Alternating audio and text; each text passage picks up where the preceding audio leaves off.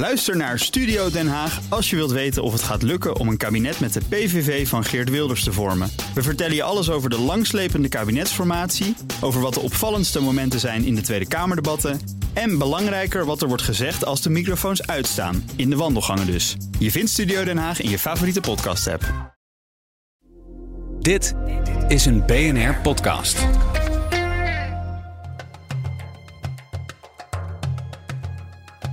Deze week is het elf jaar geleden dat er voor het laatste land toetrad tot de Europese Unie: Kroatië. En precies een jaar geleden trad het land ook toe tot de Schengenzone en kregen de Kroaten de euro als betaalmiddel.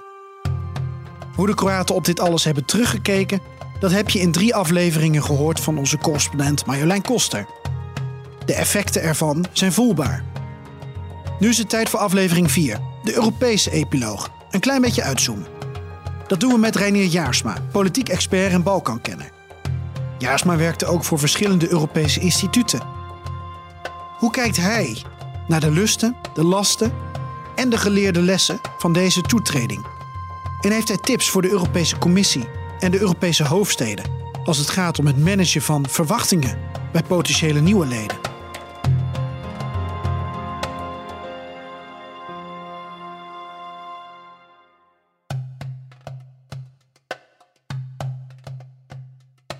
Reinier Jaarsma, je woont zelf in Noord-Macedonië, maar de hele westelijke Balkan die ken jij eh, als je broekzak.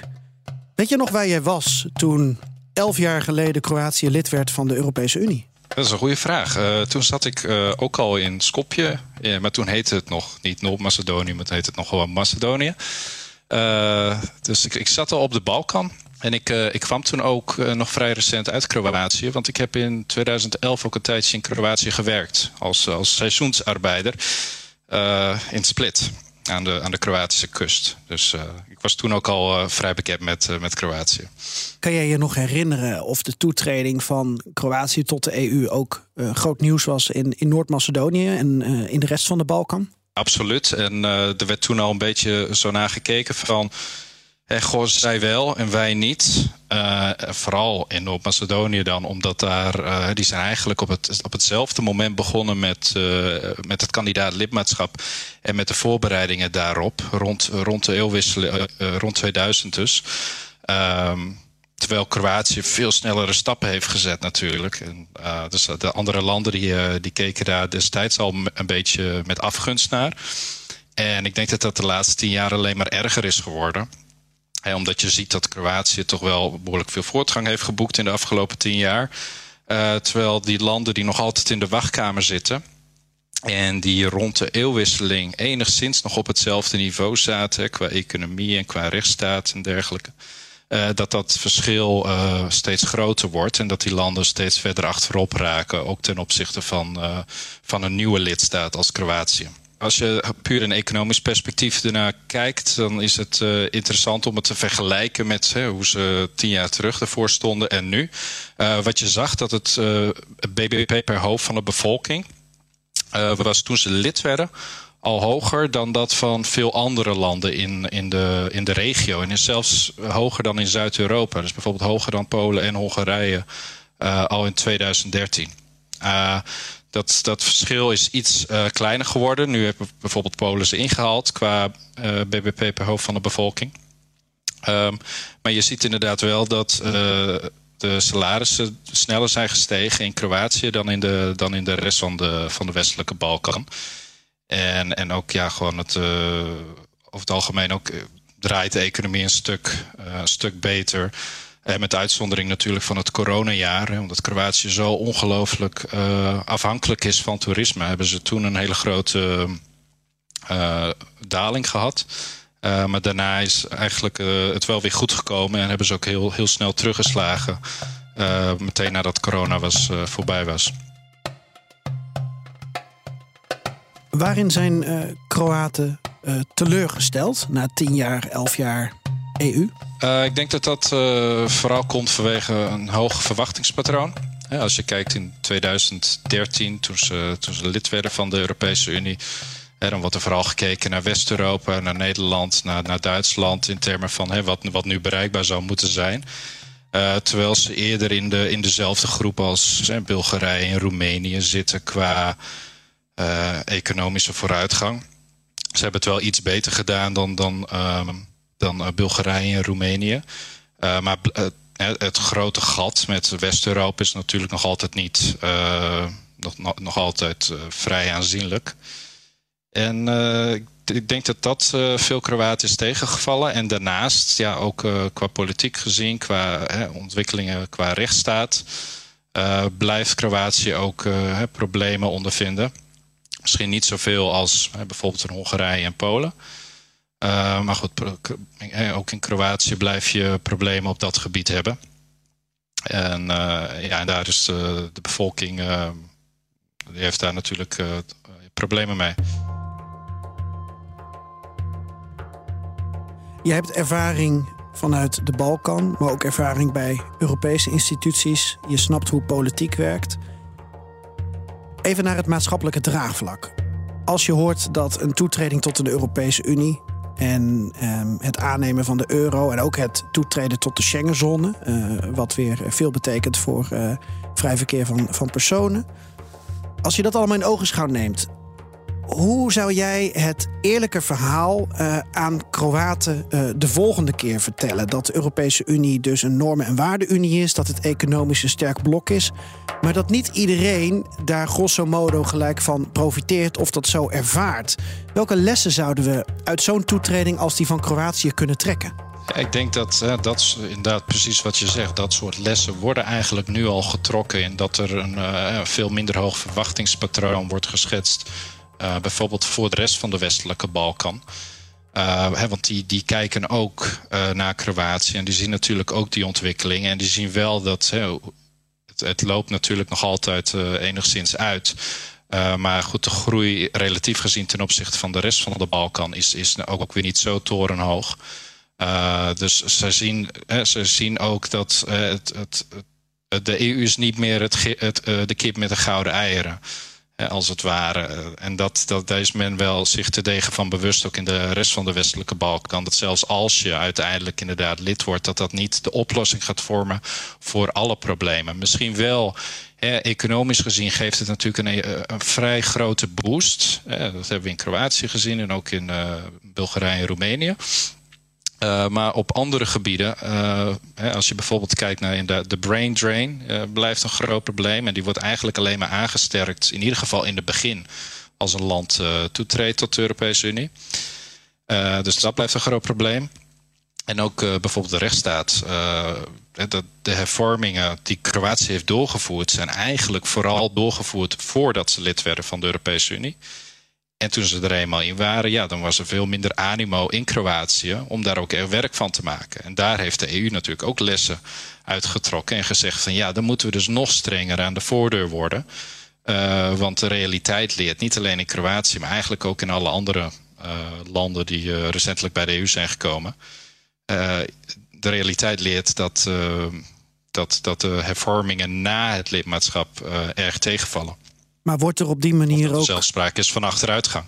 Maar wordt er op deze manier ook eerlijk over gecommuniceerd? Want naar mijn beleving uh, zie je dat er dus sinds Kroatië uh, geen uh, land tot de EU meer is toegetreden. Maar wordt dat vooral vanuit ons perspectief beschouwd. Namelijk, wij zijn er nog niet klaar voor. Wij willen die landen er nog niet bij. Dat is dus anders dan dat je rekening houdt met dat het voor uh, de Montenegrijn of de Albanese of de Noord-Macedoniërs goed zou zijn om wat langer te wachten. We beschouwen het vanuit ons en vanuit het perspectief van de Unie.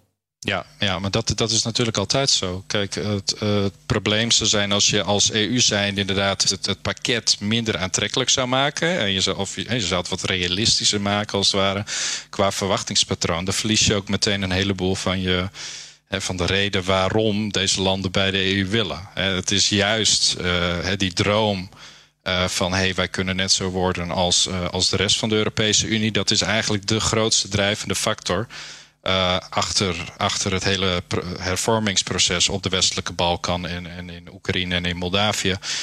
dus je moet wel, wat de Amerikanen eigenlijk ook altijd hebben gedaan, hè, dat idee van American Dream, dat, dat heeft Europa had, heeft dat nooit gehad. Maar heeft er wel vrij sterk op ingezet, vind ik, in de laatste twintig jaar. En zal je dat nu enigszins gaan afbouwen en, en wat realistischer in je communicatie zijn ten opzichte van ook ten opzichte van de nieuwe van de, van de kandidaatlidstaten. Uh, ja, dan denk ik toch dat het animo daarvoor af gaat nemen onder de bevolking. En je ziet eigenlijk het tegenovergestelde gebeuren dat de commissie, vooral de, Europese Commissie dus, uh, ja, met steeds grotere superlatieven komt van hoe geweldig het, het wel niet zou zijn als, als de westelijke Balkan bij, bij de EU zou komen. terwijl, ja, terwijl vanuit de lidstaten gezien hoor je andere signalen, hè, vooral vanuit kritische lidstaten zoals Nederland. Als je nou Kroatië als voorbeeld neemt en je uh, zet dat af tegen die enorm grote woorden, uh, inderdaad van Ursula von der Leyen, van Charles Michel. Uh, welke les uit specifiek Kroatië zouden zij dan extra goed in hun oren moeten knopen om zich te beseffen dat de European Dream er dan niet voor alles en iedereen is? Is dat bijvoorbeeld voor de jonge Kroaat die toch niet genoeg perspectief ziet en besluit om naar elders in Europa te gaan, waardoor je die brain drain hebt? Nee, exact. En uh, ik denk dat ze vooral heel goed moeten kijken ook naar de verschillen in, hè, bijvoorbeeld in Kroatië, verschillen in uh, de kandidaat-lidstaten op de westelijke Balkan. Want je ziet uh, wat, dat heel veel mensen. Die bijvoorbeeld in de, in de minder bevolkte gebieden van Kroatië, dus in Slavonië, richting de Servische grens, weg van de kust, dat daar inderdaad vooral die brain drain plaatsvindt. en dat het vooral in de landelijke gemeenten uh, is dat een probleem. Hè? En ook vanuit die landelijke gemeente natuurlijk ook naar de hoofdstad en naar de kust, maar ook vanuit die landelijke gemeente naar de, Europese, of naar de rest van de Europese Unie.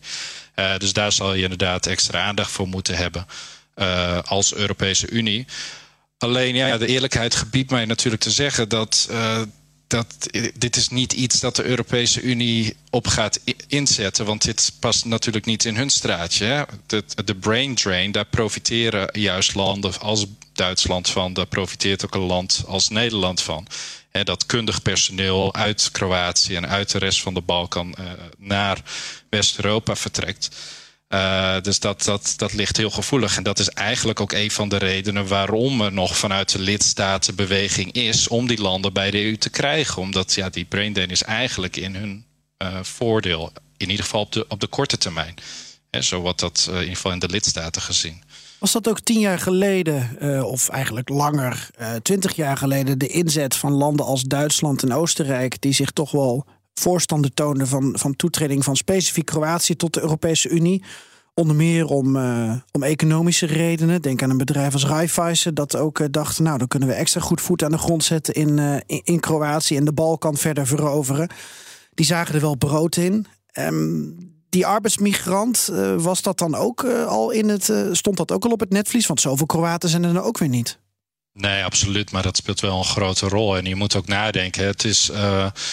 Uh, Kroatië was de eerste Europese, of de eerste Europese kandidaatlidstaat die in zijn eentje lid werd uh, sinds, sinds Griekenland in 1981.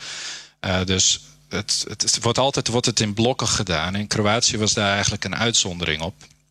En ja, dat, dat kan je eigenlijk alleen maar verklaren vanuit, inderdaad vanuit dit soort economische motieven. En inderdaad de goede bilaterale banden die Kroatië heeft met Oostenrijk en met Duitsland. Wat inderdaad de twee grote uh, voorstanders van die uitbreiding uh, met Kroatië waren. Um, dus ja, dat, dat was destijds inderdaad ook al een, een, belangrijke reden. En dan ook vooral om Kroatië los te koppelen van de rest van de Balkan. want die banden met hè, Servië en dan helemaal als je verder naar het zuiden gaat, die worden dan steeds minder. Um, dus dat, eh, dat was zeker destijds ook al een, eh, een, een, overweging die gemaakt is, inderdaad. En waar ook veel kritiek op is gekomen vanuit de rest van de Balkan. Van hé, hey, die Kroaten, ja, die gebruiken hun banden met de Oostenrijkers. Hè, de historische banden natuurlijk ook van het vroegere hè, eh, Habsburgse Rijk, Oostenrijks-Hongaarse Rijk, toen ze er deel van uitmaakten, gedeelte van Kroatië. Dus ja, dat, daar werd toen ook al met, met een bepaalde afgunst naar gekeken. Kun jij zeggen dat ehm, de Europese Unie uh, Kroatië momenteel als een volwaardig lid beschouwt. Op papier zijn ze er natuurlijk elf jaar bij. Ze zijn nu zelfs lid van de eurozone en ze zijn toegelaten tot Schengen, dus ze hebben de full package. Maar worden uh, de Kroaten en wordt Kroatië als volwaardig lid ook gezien, denk je? Ja, dat denk ik wel. Uh, ik denk niet dat, we, dat er nog een, een soort van onderscheid bestaat uh, tussen echte nieuwe lidstaten en, en de oudere lidstaten. Of althans, dat wordt, niet, dat wordt echt niet zo uitgedragen uh, op het Europees niveau. Uh, wat je wel ziet, het, in tegenstelling daartoe, is dat hè, voor die nieuwere landen die er dan bij zouden komen, dat die niet meteen volwaardig lid zouden worden. Hè? Want dat is nu een beetje het idee van... hey, we kunnen die, land, nieuwe landen op de westelijke Balkan... die kunnen we eigenlijk niet volwaardig lid maken. Dus laten we dat maar gewoon een soort van opbreken, dat proces. Laten we het stapsgewijs doen zodat ze bijvoorbeeld hè, dat vetorecht, waar, waar het natuurlijk altijd over gaat, dat ze dat niet krijgen. Helemaal niet in het begin, maar dat we misschien eerst onderdeel kunnen maken van de interne markt. En dat je stap voor stap, als het ware, ze integreert in Europa. In plaats van dat het gewoon in één keer op een datum, uh, tien jaar van nu, uh, alle, al die, alle rechten krijgen en, en alle, al, alle voordelen van het Europees lidmaatschap. dus daar, ik denk dat daar de EU nu wel een stuk conservatiever is geworden, een stuk voorzichtiger in is geworden. met het en met het echt het volledig weggeven, als het ware, van, van het EU-lidmaatschap. Maar ik, ik, denk wel inderdaad dat Kroatië daar wel als, als volmondig lid wordt gezien. En je moet ook, wat ook belangrijk is, denk ik, in die, in die zin. De, de regering die er zit, die zit er ook al echt heel lang. Hè? De, Plenkovic is, daar al, heeft, is echt wel een gewaardeerde naam in Brussel. Uh, is iemand die, uh, die een goede reputatie heeft en die voordat hij premier werd ook al uh, Europarlementariër was in Brussel. Dus iemand die wel echt bekend is en die daar ook echt meedraait. dus ik zou ook op basis daarvan zou ik niet zeggen dat, dat Kroatië als, als minderwaardig lid zou worden gezien. Reinier, jij stelde aan het begin van je verhaal over die brain drain dat dat in Kroatië wel erg lang duurt. Als je dat afzet tegen andere landen die lid zijn geworden van de EU en al deze lusten hebben gekregen. We zien natuurlijk dat de lonen wel stijgen, maar nog steeds betrekkelijk laag zijn als je kijkt naar de kosten waar Kroaten mee geconfronteerd worden. Inflatie is echter in andere landen ook het geval. Wat is nou, denk je, specifiek het probleem van Kroatië als het gaat om, om die brain drain? Uh, ik denk dat als je het, het, relatief bekijkt, wat je zegt, inderdaad, de lonen zijn wel gestegen. Uh, maar het verschil met een land als bijvoorbeeld Polen, die heeft wel echt een stuk meer economische groei gemaakt over de laatste uh, 10, 15 jaar dan Kroatië. En dan zie je inderdaad dat daar de mensen sneller terugkeren. En daar is het wachten op eigenlijk, dat, dat Kroatië op dat niveau komt. Uh, dat, de mensen, dat het ook voor de mensen begint te lonen om terug te keren. En dat is niet alleen een, uh, dat is niet alleen een kwestie van geld. Het is ook bijvoorbeeld een kwestie van, van faciliteiten. En in die, die gemeenten die leeglopen, hè, dat, het is niet alleen de bevolking die leegloopt. En dan vooral de jeugd uh, die leegloopt. Maar goed, daardoor verdwijnen ook allemaal faciliteiten, bijvoorbeeld van het platteland. En dat maakt het dan een stuk minder aantrekkelijk om terug te keren. Terwijl iedereen naar de hoofdstad trekt en naar de kust trekt, waardoor de de, de, de rente, of hoe noem je dat? De, huurprijzen daar enorm stijgen en uh, het vastgoedprijzen. Dus dan wordt het ook een stuk moeilijker om terug te keren. Dan wil je dus terugkeren misschien naar buiten de stad en naar buiten de kust. Alleen, ja, daar is dan niets meer, omdat iedereen is vertrokken. Hè, dus dit, dit is en dan kijkt iedereen altijd naar Polen als een soort van succesverhaal. Van, hè, want daar zijn mensen vrij snel, zie je terugwaartse migratiestromen. Uh, maar goed, misschien moet, uh, moet Kroatië nog wat meer de tijd daar ook voor krijgen. Het is, ze zijn nog maar tien jaar lid van de EU natuurlijk. Ehm, dat is een stuk minder lang dan, dan de rest van Centraal-Europa. Dus misschien, misschien moet, moeten ze nog het tien, jaar, tien jaar krijgen en dat het dan meer op gang begint te komen. Aan de andere kant heb ik zelf in Polen gezien dat als daar handjes nodig zijn dat die dan komen uit uh, Centraal-Azië, Azië. Uh, in het geval van Kroatië beschrijft Marjolein dat het vertrek van veel mensen wordt opgevuld met mensen uit Nepal, India, Filipijnen. Kom je dan ook weer bij een ander gevoelig punt uit, namelijk dat de Kroatische bevolking dat ziet en denkt: dit was niet wat we voor ons zagen toen we lid van de EU werden, namelijk dat wij heel veel mensen uit andere landen zouden binnenlaten. Ja, en dat is natuurlijk een van de, van de nadelen van het EU-lidmaatschap. Inderdaad, dat je je visumbeleid en, en je, je grensbeleid moet aanpassen aan dat van de Europese Unie. Um, dat, is, dat is inderdaad een, een kwestie die, die veel Kroaten, waar veel Kroaten problemen mee hebben.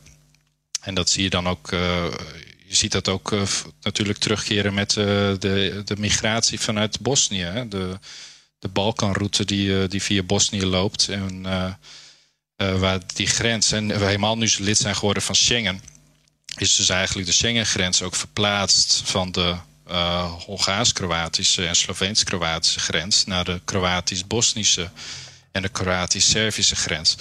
En ja, dan zie je dus ook meteen dat die Balkanroute daarop inspeelt. En dat uh, die, de Krajina, dus het, het grensgebied tussen Bosnië en Kroatië, uh, dat dat steeds meer een, een fort wordt. Uh, waar inderdaad een heleboel migratie vanuit, vanuit derde landen komt. Inderdaad, vooral dan ook uit, uit Bangladesh, uit het Midden-Oosten, uit Nepal en dergelijke.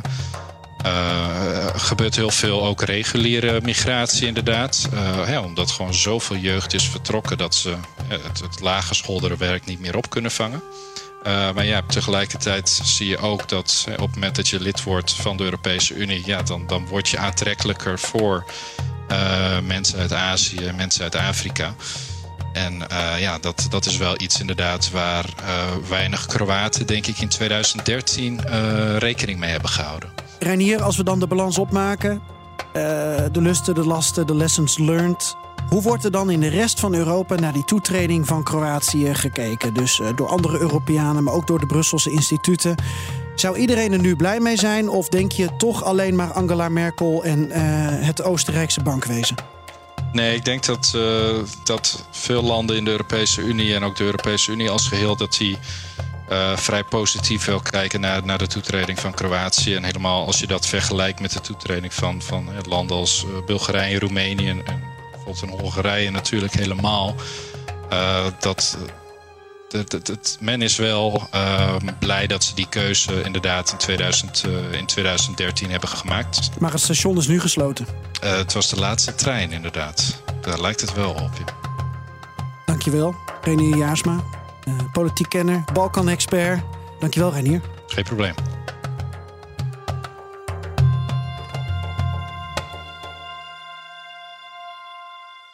Vond je deze aflevering leuk? Abonneer je dan op Dossier Europa en mis niets. Bij BNR ben je altijd als eerste op de hoogte van het laatste nieuws. Luister dagelijks live via internet. Bas van Werven. En heel langzaam komt de zon op rond dit tijdstip. Je krijgt inzicht in de dag die komt op BNR, het Binnenhof in Nederland en de rest van de wereld. De Ochtendspits. Voor de beste start van je werkdag. Blijf scherp en mis niets.